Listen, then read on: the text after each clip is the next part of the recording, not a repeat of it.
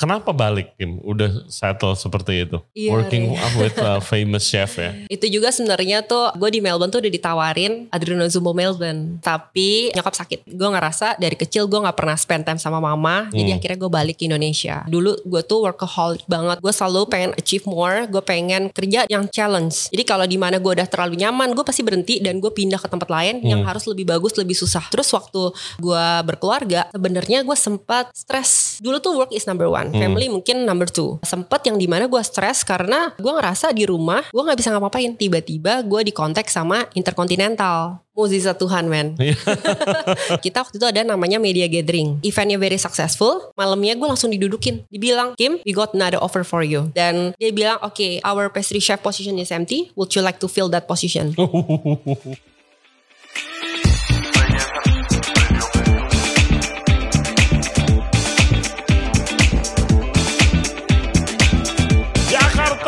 Dessert Week tahun ini akan diselenggarakan pada tanggal 25 September sampai dengan 22 Oktober dan Regensen Radio Podcast is a proud media partner.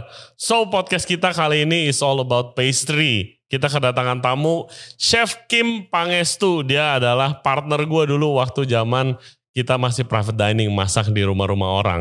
Dia akan bercerita soal karirnya sebagai research and development chef buat beberapa chef terkenal di Australia, kerjaannya sekarang dan juga balancing antara pekerjaan, karir dan juga family karena dia sudah berkeluarga sekarang.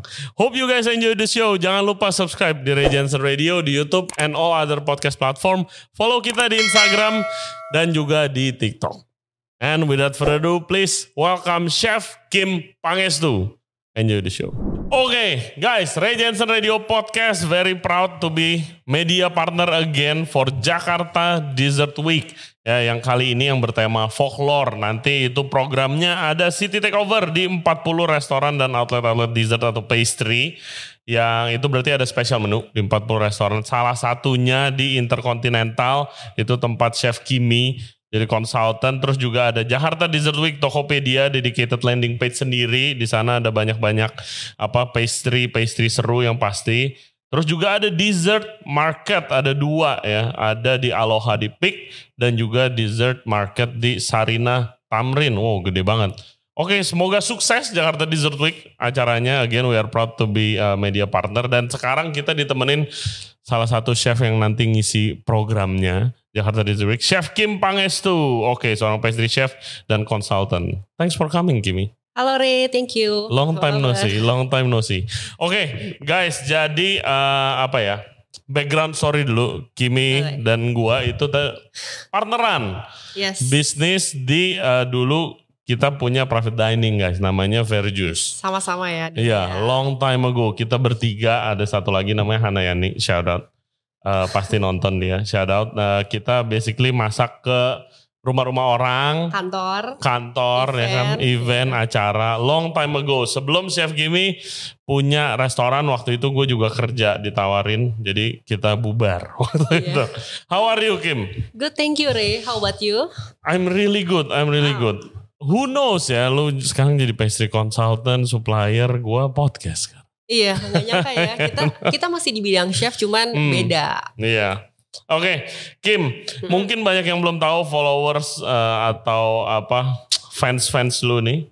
Itu lu sebelumnya itu backgroundnya apa sebelum jadi pastry chef? Dan lu di Sydney waktu itu lu ngapain? Nah, jadi sebenarnya sebelum gue jadi pastry chef, gue di Sydney itu sekolah eh, di Macquarie University dan belajar marketing. Oke, Nah, tapi gue lebih sering bolos, Re, daripada eh gue lebih sering bolos. eh sorry, gue lebih sering makan kue, Hmm. pergi makan kue, cobain kue daripada sekolah. Hmm. Gue sering banget bolos. Ya, Karena emang gue nggak suka. Gue Hmm. nggak suka eh, untuk belajar bisnis.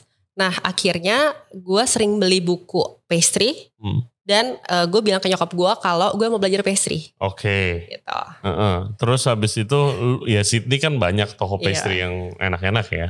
Oke, terus bisa kerja di kitchen gimana? Nah jadi waktu itu kan ditentang sama nyokap. Hmm. Nah cuman terus uh, akhirnya gue masuk ke sekolah Le Cordon Bleu Dan eh, udah sekolah di situ 9 bulan, terus tuh gue juga continue sampai advance diploma, Hmm. dan abis itu gue mesti magang. Nah itulah pertamanya gue kerja di Sydney sebagai chef. I see. Gue ingetnya lu itu kerja sama Adriano Zumbo bukan sih? Iya, One of the most famous pastry chef at that time. ya iya. kan? Nah, nah jadi itu kerjaan ketiga gue pas di Adriano Zumbo di cake shop. Hmm. Dan itu banyak banget merubah diri gue sebagai chef. How? Eh, Dia jadi, kan really good chef pasti kan? ya, Uh, What do you learn from him? what I learned from him is thinking outside the box Hmm. when you create a dessert. Nah jadi dari Ah. Nah, jadi itu tuh yang gue dapat banyak ilmu. Kenapa gue sekarang pastry consultant dan Hmm. gue sering res- research and development ya. Hmm. Itu karena kalau di di Adriano itu gue tim research and developmentnya dia.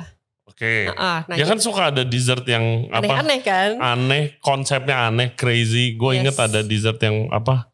Lu muter, muter kayak color wheel gitu, Ya. lu dapat rasa apa gitu ya. Out- Ya. Outside the box. Outside. Yes, Ah. jadi outside the box. Nah, jadi dia tuh benar-benar ngajarin gue eh, gimana cara dia dapat ide-ide Hmm. untuk buat setiap dessert yang dia ada di tokonya. Oke, coba Ya. ajarin ke gua. Gimana? Nah, jadi eh, dia pertama kan gue tanya kan, chef, lu gimana sih bisa dapat ide yang gila-gila tiap kali? Contoh apa uh, for our listener? Oke, eh, contoh ada satu dessert yang Alicia like a big bun. Alicia Alicia like a big bun. like a big bun. Ya. Apa itu? Terus, What is that? Oke, jadi itu, eh, jadi eh, chef, kenapa sih lo namain Alicia like a big bun? Heeh. Terus itu, eh, kenapa rasanya seperti ini? Heeh. Terus dia bilang, oke, last weekend gue ketemu cewek yang namanya Alicia. Oke. Terus dia suka rasa buah ini. Heeh. Terus badannya seksi. Oke. Nah, jadi gue gua waktu create something, gue kepikiran kayak gitu. Eh, Dia bilang kayak gitu terus gue yang kayak wow berarti lu setiap uh, buat dessert lu tuh ngelihat surrounding lu. hmm. Jadi nggak necessary harus dari rasa tapi dari misalnya gue gue Yeah, ngomong nih sama lu experience lu, whatever. Yes, kayak gitu. Jadi misalnya Ray, Ray suka apa? Gua suka lemon. Oke, jadi mungkin uh, lemonade Ray Oke. Ah, Oh. seperti kayak gitu. Jadi buat nanti bisa buat dessert rasa lemon Hmm. dan namanya gue bisa kasih Ray like lemon, Oke. mungkin kayak gitu. Oke, ditunggu kolaborasinya di Instagramnya Chef Kimi ya nanti dessert uh, lemonade buat ya. Ray. Siap-siap. Oke, nah contoh pastry-pastry outside the box apa yang lu develop di Adreno Zumbo? Oke, dari wah banyak. Hmm. Kalau dari Zumbo karena kita setiap hampir setiap dua bulan sekali, tiga bulan sekali itu pasti ganti resepi. eh, resepi. Hmm. Kita ganti resepi, kita ganti menu menu. Nah jadi setiap kali eh, dia bakal duduk di kantor dia dan gue bakal datang. Terus kayak oke Kim ini gue ada beberapa ide resep, lu cobain resepnya. Hmm. Jadi gue bagian testingnya, Oke. bagian testing, bagian eh, kita sama-sama. Terus gue nanya dia storynya dari mana. Seperti kayak dia pernah eh, buat, oke gue mau buat rasa chi- childhood gue. Hmm. Jadi dia namanya Zumbo the Kid. Oke. Nah dan itu rasanya Vegemite. Karena dia suka, waktu masih kecil dia suka banget sama rasa Vegemite. Iya buat yang belum tahu rasa Vegemite ya. Selai coklat lah guys. Makan yang banyak. Ya gak, gak, gak, gak enak. Jujur gue gak suka, gue gak suka. Eh gue dibohongin gila waktu itu pertama kali ke Sydney gue inget terus habis itu kita tour tour gitu tour Heeh. terus tour guide gue bilang Ray kalau lu di hotel lihat Vegemite itu selai coklat paling enak Ray lu ambil roti Dikerjain, iya kan kayak Nutella lu ambil roti kasih banyak gitu nggak tahu itu barang fermentasi kan rasanya Iya. asin sama gurih Iya. Itu benar-benar cuma I think kayaknya orang Australia doang yang suka gak sih? Iya iya that, that itu yeast extract tapi sekarang oke sih Eh, itu gue pernah masak pakai itu juga jadiin saus really good oke terus selain itu eh lu berapa lama di Adriano Zumbo Itu dua tahun lebih. Hmm. Dua tahun lebih gue di Adriano Zumbo. Jadi trialnya itu prosesnya berapa lama sih Kim? Yang Sam- kayak kalau lo Hmm. proses R&D gitu berapa lama? sampai dia suka. Seriusan. Nah jadi literally eh, di sana gue juga in charge of machinery-nya. Jadi lebih kayak waktu dia kasih resep, terus gue product testing, terus recipe testing, terus itu abis itu gue akan eh, kan kita punya big machinery ya, karena waktu itu kan outlet kita ada banyak dan Banyak. juga eh, penjualan kita banyak. Jadi kita harus dari resep itu, terus gue eh, gue ganti untuk mass production.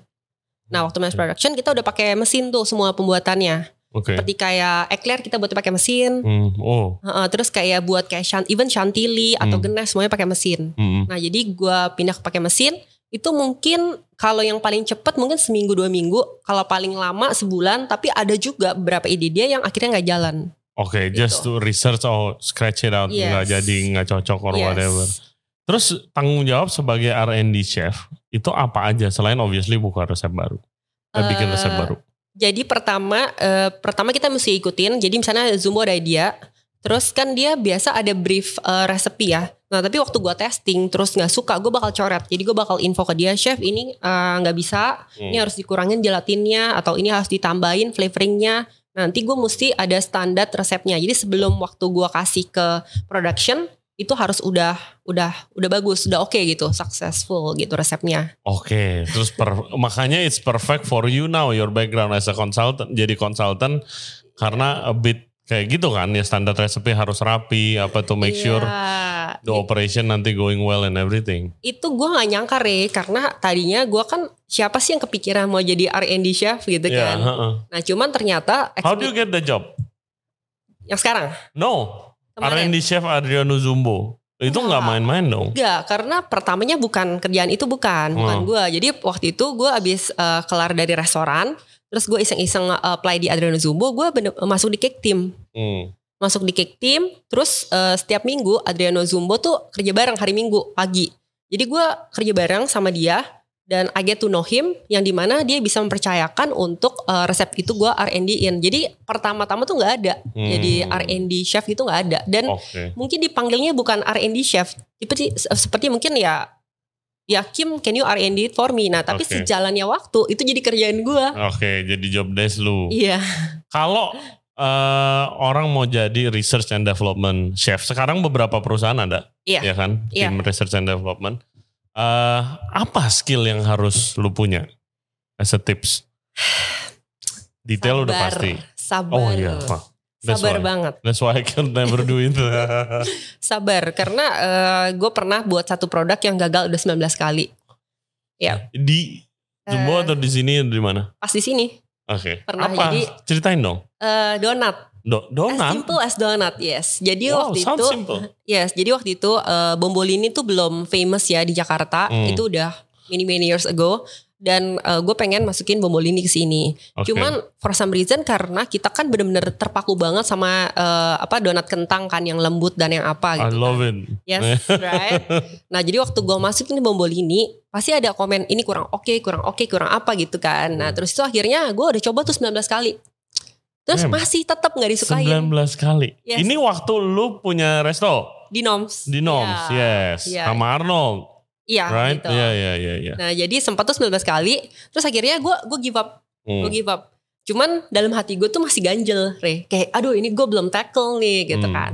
Nah terus akhirnya waktu itu gue sempat ke Melbourne eh, selama berapa bulan, tiga bulan gue do internship di Copland Bakery di Hmm. sana buat eh, Bombolini and they're very famous uh, Oke. di Melbourne. Nah jadi waktu gue balik, oke.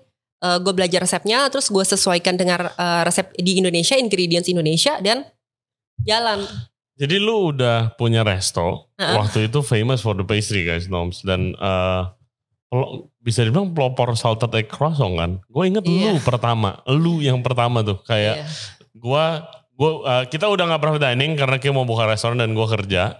Terus habis itu gua lagi di Hotel Gunawan, Kim ngirimin, gue inget banget.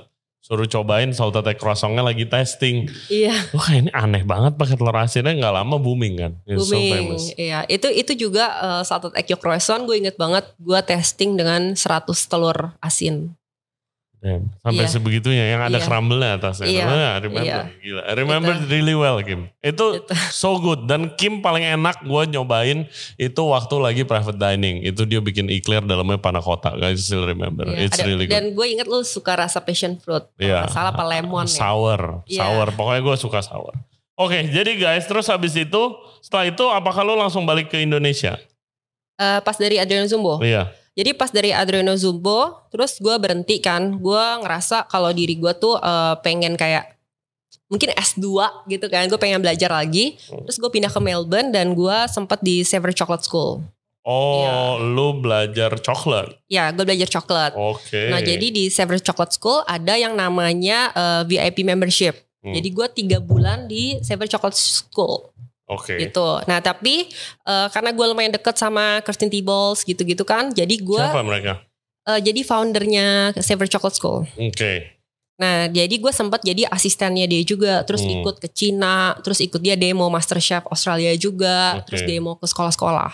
Ah, terus Gitu. ab- kenapa balik Kim? Udah settle seperti itu. Iya, Working Re. up with a famous chef ya.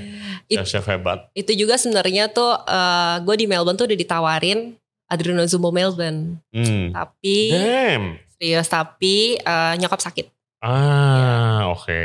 Waktu nyokap sakit, gue ngerasa dari kecil gue nggak pernah spend time sama mama, jadi Hmm. akhirnya gue balik ke Indonesia. I see. Wow. Dan wow. gue ketemu lo. Iya makanya dari kerja sama Adriodo Zumbo chef-chef hebat. Abis itu malah kita masak bareng. Jadi waktu itu gue lagi pop up guys. Gue waktu waktu itu Jakarta masih jarang banget ada chef-chef muda yang pop up. Terus kebetulan ditawarin pop up di outlet namanya Mojo waktu Yes, itu. iya. Tempatnya sekarang tuh jadi Pison, Pison, Pison, Pison yes. Coffee di Senopati. Yes. Gue pop up. eh abis itu gue pop up sama temen temen gue namanya Chef Odi Jamil. Mm. Di- dia pastry chef, terus gue mak gua makanan asinnya. Terus habis itu, itu my first pop up ever by the way itu. Oh itu first lo? Yes, Wow. first pop up It ever. successful ya, inget It's gak? successful, Yeah. successful. Dan actually eh, apa that pop up itu tuh my future boss makan situ, terus makanya dia Oh. dia apa dia eh, nawarin gua kerjaan gitu waktu itu. Ya, anyway si chef Odi ini bilang Ray ada anak dari Australia pengen bantu-bantu. Hmm. obviously nggak tahu siapa. Oh bantu apa? Helper ya di pastries ya oh ya udahlah gitu bareng nggak tahu. Kimi gila ternyata hebat banget coy. Ya kan orangnya. Ya itu gue baru dateng, terus gue ngerasa kayak eh, waktu itu yang chef belum banyak ya Re di Hmm. Indonesia dan menurut gue lu sama Odi tuh salah satu yang aktif banget. ya Nah gue tuh pengen banget belajar dan mengenal kalian. Hmm. Nah jadi kemarin gue datang juga gue gue pengen dong ngebantuin lo orang, Hmm. ngeliat kayak di Indonesia tuh kayak gimana gitu. yes dan kebetulan abis itu it was a fun event successful makanannya eh, enak-enak semua kata lu- yang lu makan inget gak yang ada satu resep lo sampai saking enaknya sampai dibeli?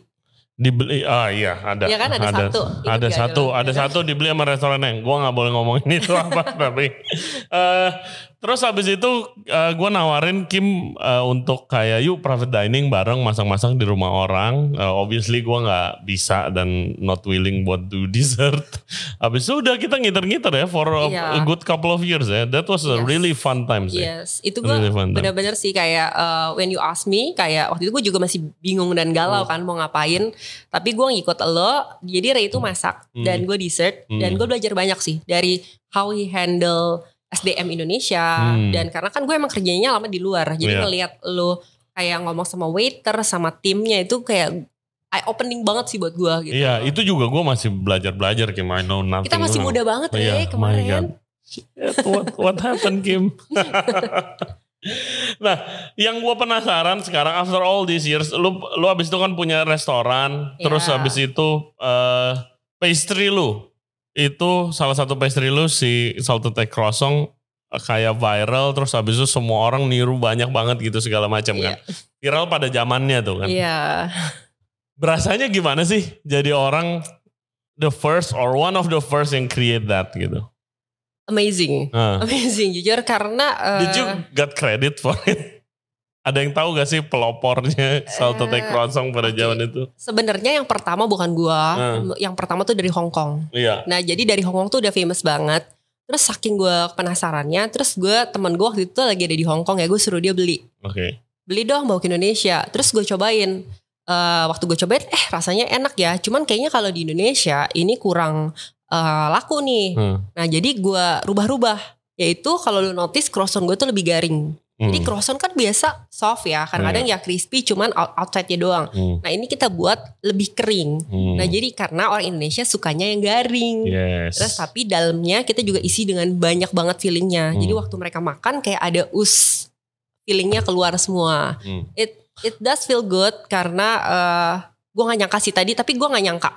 It does feel good karena eh, ya I be, I be able to create something yang disukain banyak orang. Iya. Tapi gue nggak nyangka itu bakal nge-booming. Yang Hmm. sampai gue aja sendiri sampai eh, apa ya kayak eh, kayak misalnya satu hari tuh maksimum 300 aja gitu loh. Gue Hmm. udah nggak bisa buat lagi gitu. 300. 300 Itu udah banyak banget loh. Iya, pada Iya. saat itu ya. Heeh, Gitu. crazy. Dan lu selalu gue inget guys kalau Kim tuh kalau lagi nongkrong nih ngomong kayak sering talk about family.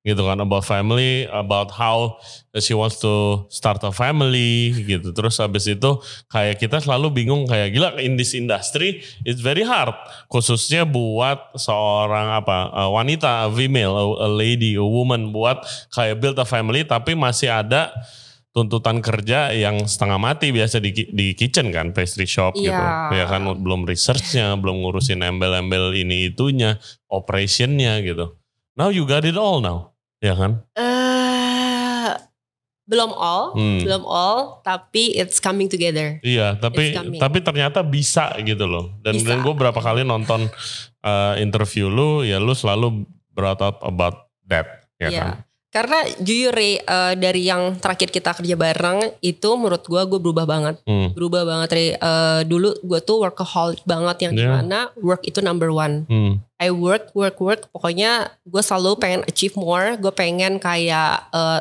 kerja di yang challenge. Hmm. Jadi kalau di mana gue udah terlalu nyaman, gue pasti berhenti dan gue pindah ke tempat lain yang Hmm. harus lebih bagus, lebih susah. Hmm. Jadi gue tuh suka banget seperti itu. Iya.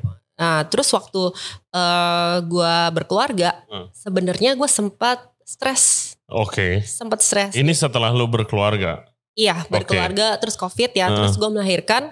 Karena yang tadinya work is number one, Hmm. ya kan? Work, Yep. Dulu tuh work is number one, Hmm. family mungkin number two, Iya. ya kan? Nah karena kan kerja kerja kerja terus kan. Hmm. Nah terus eh, sempet yang di mana gue stres karena eh, gue ngerasa di rumah gue nggak bisa ngapa-ngapain. Hmm. gue lagi hamil, gue punya anak, I feel I'm useless sebagai perempuan. Gue ngerasa I have so many talent, uh, capability yang gue bisa lakuin, cuman gue nggak bisa ngelakuin itu karena uh, sekarang gue udah punya anak, gue Ya, harus priority ini. change. Yes. Nah, tapi pada saat itu gue nggak tahu tuh re prioritas gue change. Hmm, Gue belum sadar. Oke. Nah, jadi along the way, uh, gue akhirnya baru sadar kalau lu harus uh, priority change. Ya, you have to prioritize yang pada saat itu ya kayak gimana. Jadi waktu itu gue uh, berhenti dulu nih Hmm. sebagai pastry chef. Jadi gue sempat stop ya, lumayan. Hmm. Sempat itu Ray, gue tuh mau ganti haluan loh Ke mana? ke jualan baju. Oh. Seriusan. Karena mungkin lebih fleksibel time-nya. Yes, lebih fleksibel time-nya. Iya. Dan gue pikir ya nggak segini capek gitu Iya. kan. Tapi sayang talentnya. Nah, Iya gak sih? iya. And all the hard work you've done. Iya, iya Iya. itu juga. Nah, tapi waktu itu gue sempat uh, post mungkin setahun lebih. Hmm. Terus tiba-tiba, again Jakarta Week contact me si Citria. Hmm. Uh, dia bilang, eh Kim mau ikut Jakarta Week gak? Hmm. Waktu itu bulan September. Ah Ci ikut Jakarta Dessert Week. Waktu itu kan lagi covid ya. Iya. Terus uh, gue bilang boleh deh Ci. Yaudah uh, dalam satu bulan itu gue create a brand, gue create a product yang dari dari rumah gue. Hmm. Nah terus itu gue gua create a product dan mulai jualan. Hmm. Dan rame. Hmm. rame gue gak nyangka jadi yang tadinya gue udah down Hmm. terus gue mulai dari rumah jadi literally yang se- semenjak covid kan noms tutup dong noms tutup pas banget kontraknya habis terus kita juga nggak ngapa-ngapain bisnis all that right you know F&B Iya. terus mulai dari dari rumah mulai dari rumah dan sukses Oke. jadi gue nggak nyangka kalau gue bakal dapat banyak order pada Hmm. pada saat itu nah dari jadi itu itu eh, Oktober gue mulai jualan November Desember ya kan itu rame banget nah tapi waktu November akhir Desember tiba-tiba gue dikontak sama Intercontinental eh Iya. lu mau collab gak gitu Iya, gua nggak ngerti. Gua gua dengar dari ya partner kita si Yani ke mana. Lu tahu gak Kim sekarang konsultan? Oh, oke konsultan. Konsultan pastry di Intercon Intercontinental. What? How do you get a job Yes. as a consultant? Gue kayak full time. Gue bilang katanya waktu karena gue ingetnya katanya udah berkeluarga, udah nggak bisa. Iya. Gue bilang gitu kan. Mana punya waktunya? How do you get a job as a consultant buat hotel luxurious hotel yes di Jakarta brand internasional gitu itu bukan kerjaan yang main-main dan kena- Eh. gimana cara lu bisa dipercayakan with that responsibility Muzizat Tuhan men. Iya. itu itu di luar kendali gue juga. Jadi eh, waktu gue sempat down banget kan dan gue mulai usaha gue udah mulai rame Iya. gue mulai gain confident nih. Yes. Nah cuman eh, terus waktu diajak collab oke gue bilang let's do it. Dan eh, kita waktu itu ada namanya media gathering. Hmm. dan media gathering di Intercontinental Pondok Indah selalu satu bulan sebelum Christmas. Sebelum ya November lah around Hmm. November awal. Nah terus waktu eh, media gathering gue kan bener-bener kayak urusin media gathering really nice and a lot of media came in Hmm. pada saat itu Intercontinental tuh nggak ada pastry chef Hmm. Jadi waktu gue dipanggil, gue kerja sama uh, anak-anak komis, sama di par chef di partinya gitu. Hmm. Terus waktu itu uh, apparently media gatheringnya itu very very successful, yang di mana GM-nya sama F&B manajernya itu pada suka banget sama gue. Lu media gathering lu apa? Lu create kanape atau? Uh, yes, kanapi, Oke. special menu and everything. Sebenarnya sih gue cuma disuruh buat uh, collaboration cake doang. Cuman Oke. karena gue suka banget, jadi ya udah semuanya gue siapin gitu. Gue bantu timnya. Hmm. Jadi I work with the team. Hmm. Nah timnya juga sangat amazing banget. Nah jadi waktu itu eventnya very successful dan malamnya gue langsung didudukin, didudukin, dibilang Kim, we got another offer for you. Damn. Kayak gitu, segampang itu gue jujur sampai kaget dan dia bilang oke, uh, our pastry chef position is empty, would you like to fill that position?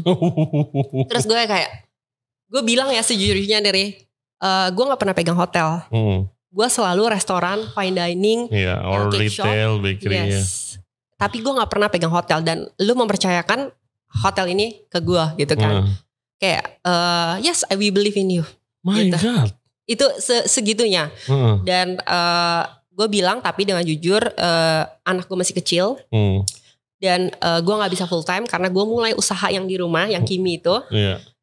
Jadi gue nggak bisa full time. Gue Hmm. cuma bisa part time. Nah gue ngertiin lu kalau nggak bisa ambil gue. Gue Iya, I mean kan? who who has a a high position gitu, posisi yang tinggi Iya. tapi does that part time? yes gak ada kan. No. Dan, Gue kayak how? dan ceweknya jarang kan. Iya, oh Yes. man. Of course jarang. Crazy, good for you. Terus abis itu kayak oh nggak apa-apa part time you do consultancy gitu. Yes, jadi dibilang oke, eh, lu datang. Jadi deal gue itu sebulan 12 hari. Sebulan 12 hari Iya. lu nge-shift kah atau uh, 12 hari lu ngapain? Jadi jadi gini, tadinya kan seminggu tiga kali, Hmm. which is sebulan eh, 12 hari kan. Ya. Eh, terus waktu gue jalanin itu, I realized that eh gue nggak bisa limit myself seminggu tiga kali. Hmm. Gak bisa, soalnya kadang-kadang eventnya mungkin lebih banyak di akhir bulan apa di awal bulan. Hmm. Nah jadi akhirnya gue bilang, oke gue mau flexibility. Yang pasti setiap ada event lo yang besar atau mau lo ada R&D atau mau new recipe atau ada Hmm. event, gue bakal selalu ada di situ. Nah jadi mereka mempercayakan that flexibility ke gue. Jadi setiap mereka eh, itu ya gue ada gitu buat mereka gitu. Wow. Jadi pertamanya sih nggak se- sebulan 12 hari sih. Hmm. You know me, I always put more effort ya. Iya. Jadi kadang-kadang lebih I don't mind gitu Hmm. loh. Tapi I'm really happy sih kayak everything sukses, acara sukses. Jadi it ya pride sendiri ya sebagai Ya, chef. oh, congratulations. thank And you. you obviously deserve it. Tapi beberapa bulan pertama berat. Hmm. Apanya yang berat? Penyesuaiannya Re. Heeh. Nah, dari Dalam segi? Kan pastry chef untuk restoran, cake shop, Heeh. hotel tuh beda banget. Oke, kalau Ya. gitu pertanyaannya, what are the responsibilities buat uh, pastry chef di hotel? Oke, a pastry chef di hotel pertama lu harus ngurusin tiga buffet. Hmm. Jadi breakfast, lunch, dinner itu. Terus in the in between that kita ada banket, ada function juga. Semua dessert itu semua dari Iya, bawah pastry dari kitchen. pastry. Jadi misalnya meeting, event, eh, launching produk, misalnya mereka ada di intercon ya kita mesti nyiapin dessert-dessertnya. Belum lagi amenities, terus itu ada special dessert, terus Nah, itu ada amenities, I forgot amenities. ya. Yes. Kadang coklat atau cookies Yes. gitu ya. Nah, apalagi misalnya Reni, misalnya lu ke intercon, Heeh. uh, Ray Jensen podcast kan. Nanti gue pasti mungkin pas lu dateng gue buatin radio ini. Hah? Seriusan kita bisa buat ini dari kue. Jadi kita lihat personality-nya lo. Oh iya, kita that buatin. detail ya, of course lah ya. Yes, seperti Iya. itu. Terus juga long hours dan apalagi kalau weekend ada wedding. Weddingnya kan bisa 1500, 3000 orang kayak gitu. My God, how do you balance the time? Biarpun part time, I know mungkin kayak orang negeri kan part time. How do you balance that? Terus ada bisnis juga, supplier. Terus with family, how do you do it? Jalanin aja. Hah. jadi jadi pertama-tama tuh semuanya overwhelmed banget sama gua karena eh, di role gua yang baru sebagai istri dan ibu Hmm. tiba-tiba gue mesti give up banget kerjaan gue dan itu bikin gue down banget Hmm. tapi gue belajar something sih kayak semuanya tuh ada waktunya Hmm. jadi gue sempet kayak ya kalau emang lu nggak bisa jangan paksain you have to be able to say no Hmm. kalau lu nggak bisa you have to close one eyes ya udah jangan jalan itu dulu prioritas lu apa gue sekarang prioritas gue anak dan keluarga ya Hmm. udah make sure anak dan keluarga itu number one and number two Hmm. in between of that ya gue baru kerjain kerjaan gue gitu. Wow, what an inspiration nih Chef Kimi nih. Tapi lagi, ya ini gue juga lagi belajar terus Re. Hmm, Gitu. Iya. tapi Wow, tapi gue very lucky sih kayak di Intercon timnya juga very um, very kind ya dan Hmm. mereka bagus banget. Jadi di mana yang kayak gue lebih ngurusin R&D-nya sekarang, operational day operational day to day-nya lebih mereka. Hmm. Dan kalau kalau eh, apa R&D di hotel itu kan kalau misalnya test food lo ada banyak approval gak sih? Lebih banyak. Tergantung. Eh, jadi beberapa event kalau misalkannya contoh kita eh, acara Bian Hmm. fashion show. Nah itu kita mesti jadi eh, dikasih temanya. Misalnya temanya apa? Fall. Nah jadi oke terus gue minta dong eh, desain print bajunya atau eh, kainnya. Hmm. Nah terus kita bakal ada food testing.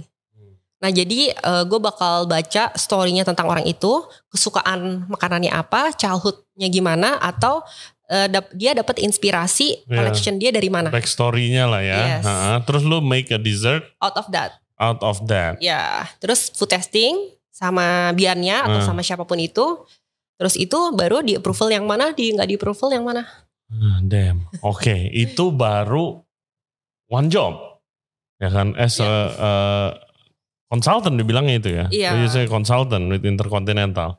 Terus lo ada pastry supply juga. Iya. Oke, tell us about that. Karena ini ini really clever business sih, bisnis yang sangat pinter. Waktu itu Kimi ceritain kayak gile, uh, that's smart. As a, as a smart business to think of. Apa itu pastry supply? Nah jadi gini, dulu Re waktu gue datang ke Indonesia, gue pengen banget punya cake shop. Iya. Gue pengen banget, semua orang pengen punya cake shop. Iya. Semua orang pengen dilihat. Mm-mm. Eh, tapi balik lagi, eh, what kind of chef do I want to be? Hmm. I want to be a chef yang dessert gue di mana-mana, nama gue nggak usah keluar, but I know my dessert make people happy. Hmm. Nah jadi akhirnya eh waktu itu kan gue ngambil job di Intercontinental. Jadi usaha kimi gue yang tadinya online Hmm. itu mulai nggak kepegang. Hmm. Nah jadi oke tapi gue tetap mau jalanin usaha ini. Gimana ya? Dan gue nggak bisa manage kayak penjualannya, productionnya semuanya kan itu semua sendiri kan. Iya. Atau paling ada bantuan sih, cuman kayak nggak bisa ditinggal gitu Hmm. kan. Terus akhirnya gue change itu ke supply. Iya. Ya, nah jadi gue change to supply. Gue misalnya kerja sama sama Good Durian. Hmm. Jadi eh, kita datang meeting, so I create a dessert for them. Hmm. Jadi gue supply ke mereka, tapi also I uh, make the recipe for them. Hmm. Jadi only special for good for good durian. Catered gitu. Yes. Jadi gini guys, simpelnya ya. Misalnya lu bikin brand nih, apa kayak good coffee cake misalnya. Terus habis itu kontak Kimi, Yes. di, di nanti diskusi resepnya. Diskusi lu mau jual apa? Iya mau jual apa, tema store gua begini begini Yes. begini. Tapi yang bikin produknya lu Iya. basically. Resepnya gua, idenya dari gua. Lu anter, misalnya gua mau bikin coffee cake, uh, Yes. tart misalnya. Yes. Oke. Atau enggak mousse cake deh. Mousse cake Mm-mm. misalnya yang lebih sulit ya. Tart mah gampang banget buat Kimi. Mousse cake. Datang ke gua udah dalam bentuk Eh, tergantung lu. Oke. Storage, storage lu kayak gimana?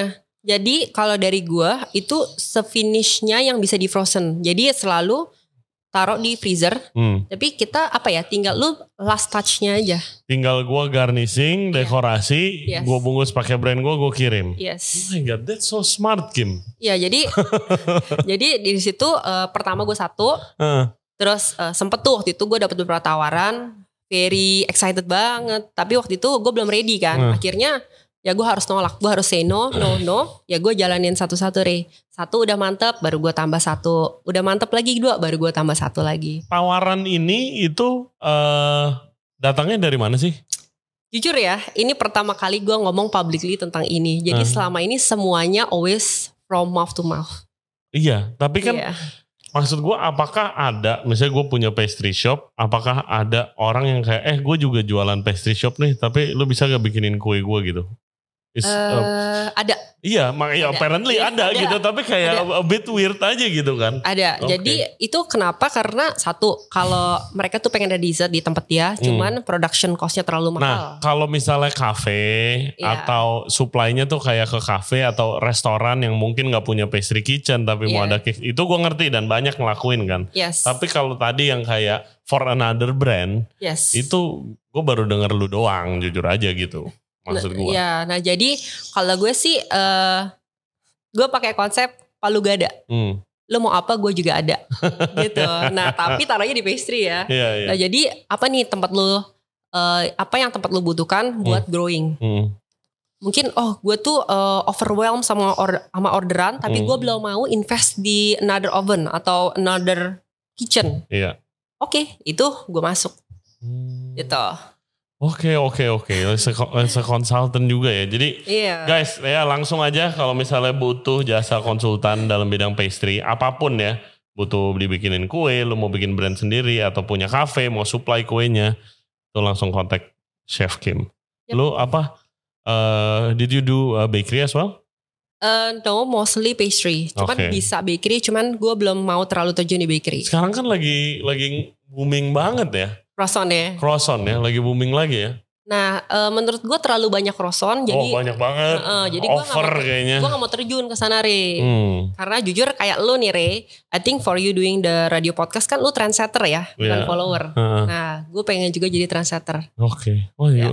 you are, you are, you are. And pasti jadi inspirasi buat a lot of apa ya, career woman yang pengen apa balancing with family and work juga gitu kan. Iya, itu yang gue belajar sih kayak being a chef itu lu nggak harus di hotel atau di No, restoran. no, apalagi zaman Yes. sekarang. Yes, Zaman benar. zaman sekarang You can banyak. do so much thing. Hmm. Kayak being a chef tuh lu bisa ngajar, lu Iya. bisa konsultan ya kan, Hmm. lu bisa cooking apa yang demo Iya. gitu loh. So Iya. much thing that you can do. Kalau gue suggestnya, when you have time uh, dan still young, khususnya kerja dulu.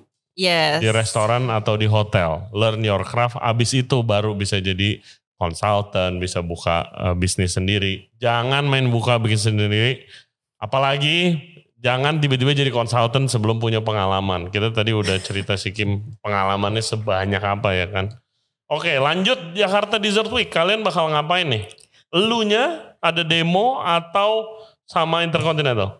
Nah oke, jadi tahun ini eh, Intercontinental Pondok Indah Jakarta bakal jadi salah satu eh, yang mengadakan Jakarta Dessert Week. So Hmm. gue cuman handful yang keselek ya. Iya Dan dong. ki- eh, dan kita kepilih dan eh, kita bakal ngadain eh, sesuatu yang spesial. Tapi gue belum bisa spill re. Iya. Oke. Karena eh, follow aja Instagramnya Jakarta Dessert Week Oke. untuk tahu kelanjutannya. Follow Instagramnya Jakarta Dessert Week. Follow Instagramnya Kim juga di Eh, Kim Pangestu. Kim Pangestu dan juga di Intercontinental yang pasti Eh, for up and coming collaboration with Jakarta Dessert Week. Oke. So what's next for you Kim? What's next for me? Iya. Eh, jadi eh gue sekarang lagi kebanyakan sebenarnya I think I'm ready to be consultant to take more project. Hmm. Jadi so far I've been supplying to three places and today tadi pagi empat and I think I'm ready. My team are ready to ambil To take on project. more clients, Yes, more projects. yeah. Oke. Lu nggak itu lagi nggak ada plan untuk kayak one day. Mungkin kalau udah anak udah gede misalnya gitu, kayak maybe build your own brand again. Eh, mungkin I will I will cuman tapi lebih ke Kimi Hmm. mungkin kema- ke sekarang kalau sekarang kan Kimi tuh bener-bener supply Hmm. nah gue pengen mulai Kimi bakal ada creation gue pelan-pelan Ah, ya Nice. Oke, oke. Nah, itu dia cerita eh, background story dari Kim Pangestu, guys. Hope everyone enjoys it. Nah, sekarang kita ada Q&A, Kim. boleh Oke, guys. Q&A Chef Kim Pangestu. Thank you for the questions. Keep them coming. Yang paling menarik kita tanyain ke guest kita. Yang pertama dari Ed Anton underscore Abu. Chef Kim, aku ada pertanyaan. Bagaimana caranya menjadi seorang chef tidak hanya sukses di dapur, tapi juga di wirausaha bisnis ya. Karena banyak teman-teman yang menggeluti di hotel atau restoran, akhirnya nyerah di wirausaha karena jenjang karir persaingan di dunia hotel segitu saja nunggu pensiun. Apesnya pas usahanya gagal akhirnya kembali kerja tanpa passion dan hanya bertahan hidup. Oh, a lot. A lot, lot. a lot, Yes, a lot. a lot. Ya, Hmm. ya dari Kim dulu, nanti gue juga ada sih Iya. kalau soal ini. nah jadi eh, satu eh, kita mesti kalau gue nih ya waktu gue kemarin abis melahirkan Andre melahirkan dan punya anak melahirkan punya anak nikah gitu gitulah Hmm. gue belajar satu adalah seorang pastry chef atau seorang chef itu bukan harus kerja di hotel apa restoran Hmm. atau juga harus punya usaha makanan. Tapi Hmm. lu bisa melakukan banyak hal. Iya. Ngajar, Hmm, jadi R&D chef yang Iya. kerjanya lebih fleksibel hmm, atau bisa eh, jual utensil, Hmm. jual ingredients. Itu banyak bisa dikerjain Iya, sebagai chef. betul. Itu. betul. Lot plenty of option. Lu bisa ngonten Yes. juga zaman sekarang. Banyak nah, ah, banget satunya creator. juga bisa. Iya. Oke, Anton. Jadi kalau menurut gua sih eh, apa ya? Yang nggak semua orang juga punya eh, what it takes to be a chef pertama atau what it takes to be a entrepreneur atau businessman Benar. atau businesswoman. Karena itu skill set yang sangat beda menurut gua yang udah menurut kita lah ya, yang Iya. mencoba yang udah mencoba di keduanya. Totally different sih, totally different. Jadi ya mungkin emang ada yang jalannya jadi profesional, nothing wrong Mm, ya kan banyak bener. banget profesional yang sukses banget juga ada yang jadi bisnismen gitu dan apa ya ya yang penting happy sih maunya ke mana dan ya jangan sampai untuk kerja tanpa passion hanya untuk bertahan hidup itu, a- Itu a, menderita setting banget. Iya. itu a setting seperti yang tadi Kimi bilang optionnya zaman sekarang ada banyak jadi di, Iya. dicoba aja Tapi ba- balik lagi Re, satu yang important banget ya. Mungkin dulu waktu gue masih muda, gue ngelihat, ah ini keren banget, gue pengen kayak gitu. Hmm, Tapi balik lagi, kita sama mereka tuh beda. Iya. Nah jadi you can create your own thing. hmm, Jadi emang lu nyamannya di mana? Kalau Exactly. emang lu nyamannya kerja, ya lu kerja. Lu Exactly. nyamannya ngajar, ya lu ngajar. hmm. Jangan ngelihat kanan kiri lu gitu. Emang Hmm. kita berbeda gitu. Betul. Kalau I suggest kalau misalnya bisnisnya gagal, nothing wrong bisnis gagal, bisnis gue juga gagal. Kita pernah gagal ya, Re? Lebih lebih, lebih sering daripada sukses. Eh, coba lagi. Kalau emang butuh finansial ya kerja, tapi ya make something again starting on the side, ya kan, sampingan dulu sampai bisa sustain. Kalau gue selalu saja segitu sih. Pokoknya jangan kalau misalnya udah nggak nyaman ya udah ganti. Gagal ya udah coba yang lain. Ya cuman mungkin tadi dia juga bilang sih apa kalau udah pensiun ya. Mungkin kalau emang semakin Bukan, dia bilang karir di hotel kebanyakan cuma ya nunggu pensiun. Dia Oh. bilang gitu. nunggu pensiun kalau ya ya jangan lah guys. Eh, kalau nggak nyaman please try eh, try anything. Yes. Nggak usah pastry, nggak usah apa aja. Kim aja tadi mau jualan baju ya Hmm. kan. Oke, pertanyaan kedua R1 Co. Gimana balancing food costing Wih, and ease of production Mm-mm, eh, dalam kurung difficulty of making mm-mm. dengan SDM SDM yang pas-pasan nih ilmunya. Uh, problem majority chef-chef ya. Nah, kalau buat gua eh, pertama and the most important thing adalah eh mikirin target market lu mau jual ke mana. Hmm, Kalau gue mikirnya kayak gitu. Oke. Kalau dulu gue mikirnya gue mau jual ini, Hmm, food cost gue segini, Hmm. harganya segini. hmm. Tapi kalau sekarang gue mikirnya target market gue apa nih? Ya itu Market. that's the business side of it. Yes, Ya. that's the business- side. Target market gue siapa? Gua har- eh, mereka belinya dessertnya di kisaran berharga berapa? Hmm, Baru gua hitung mundur, hmm, hitung food cost dan eh, abis hitung food cost baru hitung oke gue misalnya eh, modal modalnya cuma 30.000 ribu nah ya udah jadi buat produk yang costingnya 30.000 ribu gitu nah terus itu dikalikan misalnya gini jadi harga harga jual food cost terus baru pikirin produknya apa hmm. Nah itu food costing. yes Really good tip by the way guys itu. Terus kalau misalnya ease of production sama SDM yang pas-pasan. nah kalau ease of production Jadi Ya. SDM lu pas-pasan nih. Ya Ya. lu tau lah mungkin chef-chef, uh, pastry chef punya jualan online mungkin. Terus habis itu belum punya budget untuk hire yang bener-bener profesional karena mahal. SDM-nya pas-pasan. nah Ada strategi sendiri gak? nah kalau itu ya apa ya no there's no no fast, Kayak- no fast track Hmm. emang lu mesti ngajarin mereka Hmm. lu mesti patiently ngajarin mereka. Tapi jangan eh, sakit hati juga waktu lu aj- udah ajarin mereka dan mereka jago, mereka pergi. Itu Iya. udah biasa buat Oh gua. itu udah biasa Gitu. banget. Waduh sakit hati tapi biasa. Iya. Iya guys dan juga kalau dari gua ya kalau eh, sama seperti halnya kan di Indonesia ada bilang ada harga ada barang gitu kan. Sama juga dalam hal eh, aset perusahaan lain seperti SDM gitu kan. Kalau emang profesional dan yang udah jago ya harganya biasanya mahal. Wow. Mahal. Kenapa? Karena ya jadi aman operationnya gitu Iya. sebagai owner nggak usah pusing-pusing. Tapi kalau misalnya pakai yang emang eh, belum punya pengalaman, jadi bisa gajinya biasanya lebih murah, pengalamannya lebih sedikit. Nah itu emang korbannya ya abis waktu di training Iya, dan kita- ngecekin Kita kerjaan. harus mau pusing. Iya, harus harus siap tuh buat pusing. Iya. Ya itu adalah ya dari segi bisnisnya ya itu ya begitu low-nya gitu kan. Kalau ya misalnya yang har- eh, punya pengalaman lebih banyak dia akan digaji lebih banyak tapi lu nya nggak pusing. Kayak Iya. gitu. Jadi kalau pengalaman gua sekarang gua mending staff gua sedikit tapi pengalaman sih. Mm-mm, Biar biar nggak nggak pusing, ya. Biar nggak pusing itu dia. Oke, nomor tiga, at Die Greki. Chef Kim ceritain pengalaman sebagai mom, perempuan dan pastry chef at the same time. Oke, day to day lu kali lo balancing. Oke, dia itu di gue karena work gue tuh part time freelance. Hmm. Jadi eh, anak gue sekolahnya Senin, Rabu, Jumat. Hmm. Jadi kalau Umur berapa? tiga tahun, Oke. tiga tahun. Nah jadi kalau first eh, yes gue ada bantuan kayak suster gitu. Cuman pagi-pagi biasanya nih kalau gue nganter dia sekolah, abis gue antar dia sekolah, I want to be eh, apa ya my my job as a mom ya, gue tetap Hmm. mau ada itu. Terus abis itu gue pergi ke meeting atau ke hotel.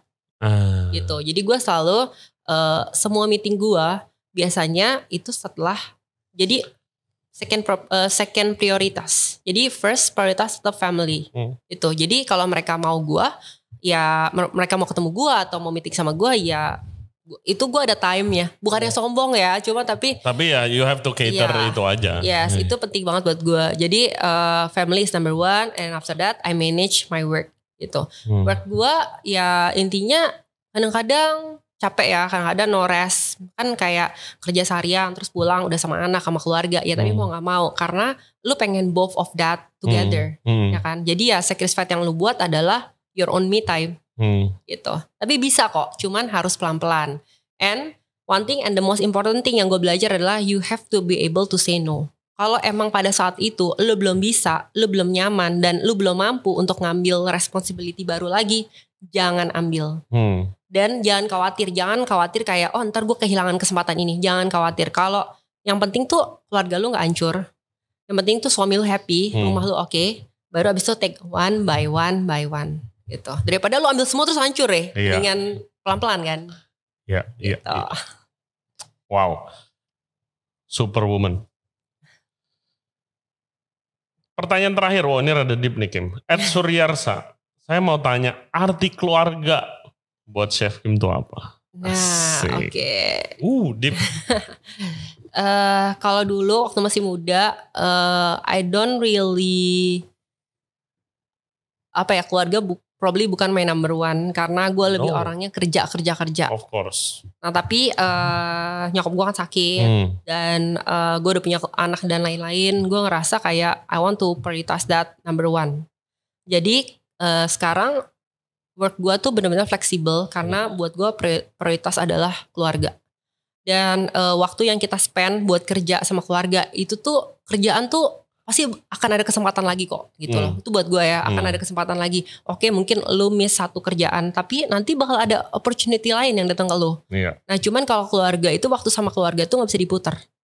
Gitu. Jadi gue usahain seminggu tuh pasti ke tempat nyokap Hmm. sama anak harus kayak family time. Nah biasa on Sunday hari Minggu gue tuh nggak mau ada suster sama sekali. Jadi gue bener-bener mau gue, suami gue sama anak gue kita pergi ke mana bareng-bareng family time gitu. Terus anak juga tidur sama gue most of the time ya waktu malam gitu. Family are number one. Terus kayak sama mama juga, lu tau nyokap gue kan? Ya, Nyokap juga how is she? Eh, better semenjak ada cucu dan sekarang udah minta cucu lagi.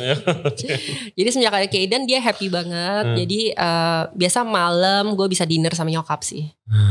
Gila, gua aja eh, gua kan baru mulai nih berkeluarga Kim. Oh. Eh, this this podcast eh, ya I learn a lot from it lah. Siap-siap nanti gua.